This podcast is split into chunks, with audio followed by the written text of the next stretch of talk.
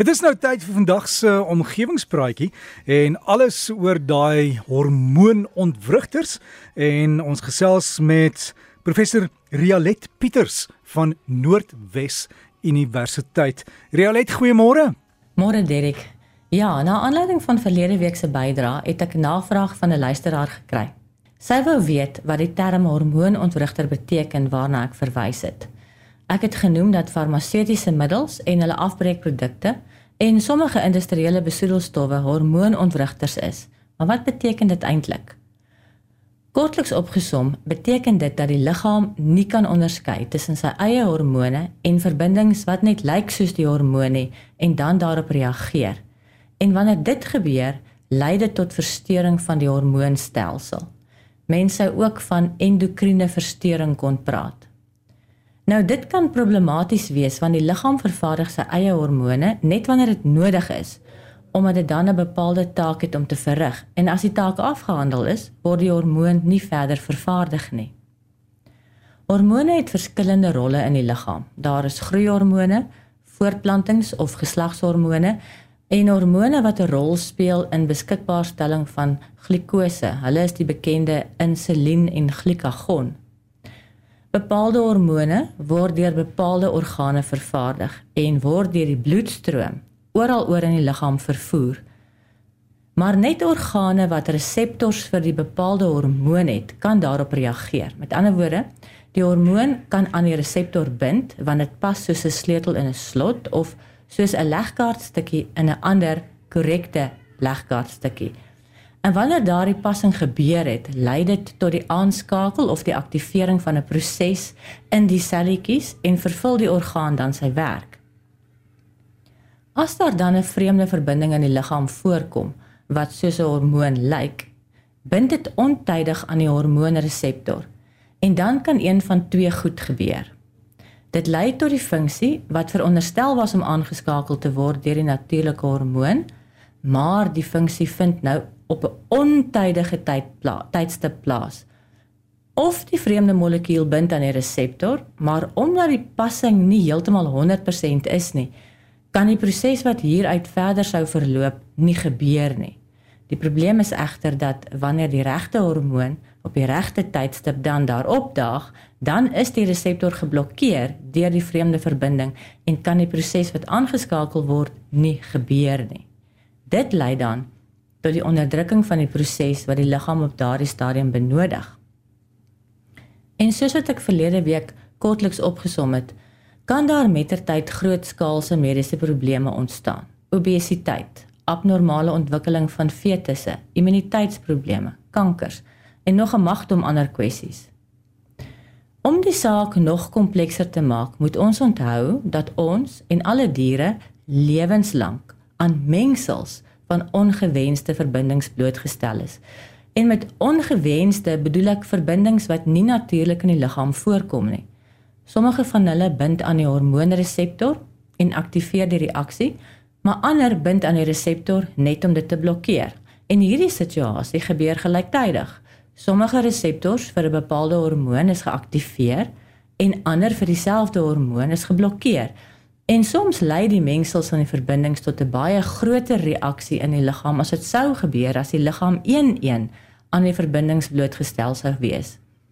En dan is die reaksie groter as die som van die een-een blootstelling. Gelukkig het die liggaam meganismes om van die vreemde verbindings ontslae te raak. En gelukkig ook word ons net aan klein hoeveelhede blootgestel, maar aanhoudend of kort kort. Dis wanneer die meganismes oorwys word of nie meer so effektief werk nie, dat die mediese probleme waarna ek vroeër verwys het ontstaan.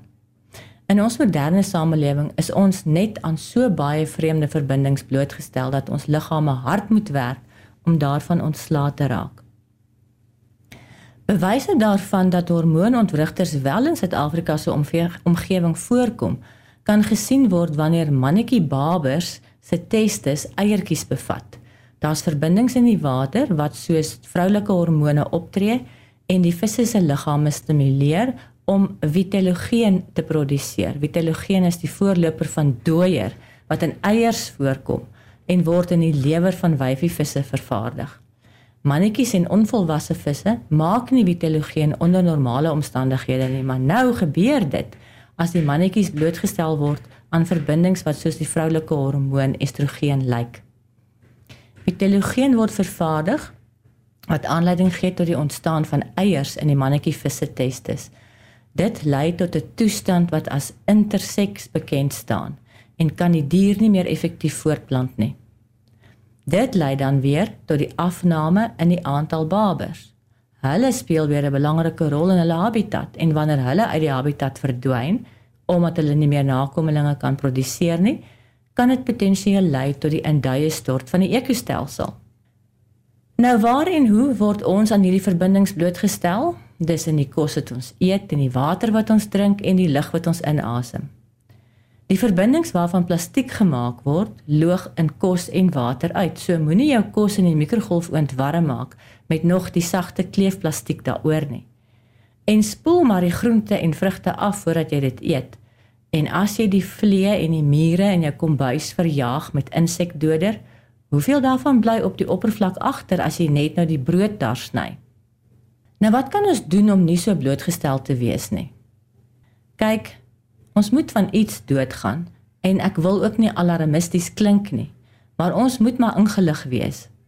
Doen wat jy kan om so ver as moontlik weg te bly van spys en drank wat nie vars is nie, maar wat een of ander proses moes ondergaan om dit lank op die rak te kan laat staan.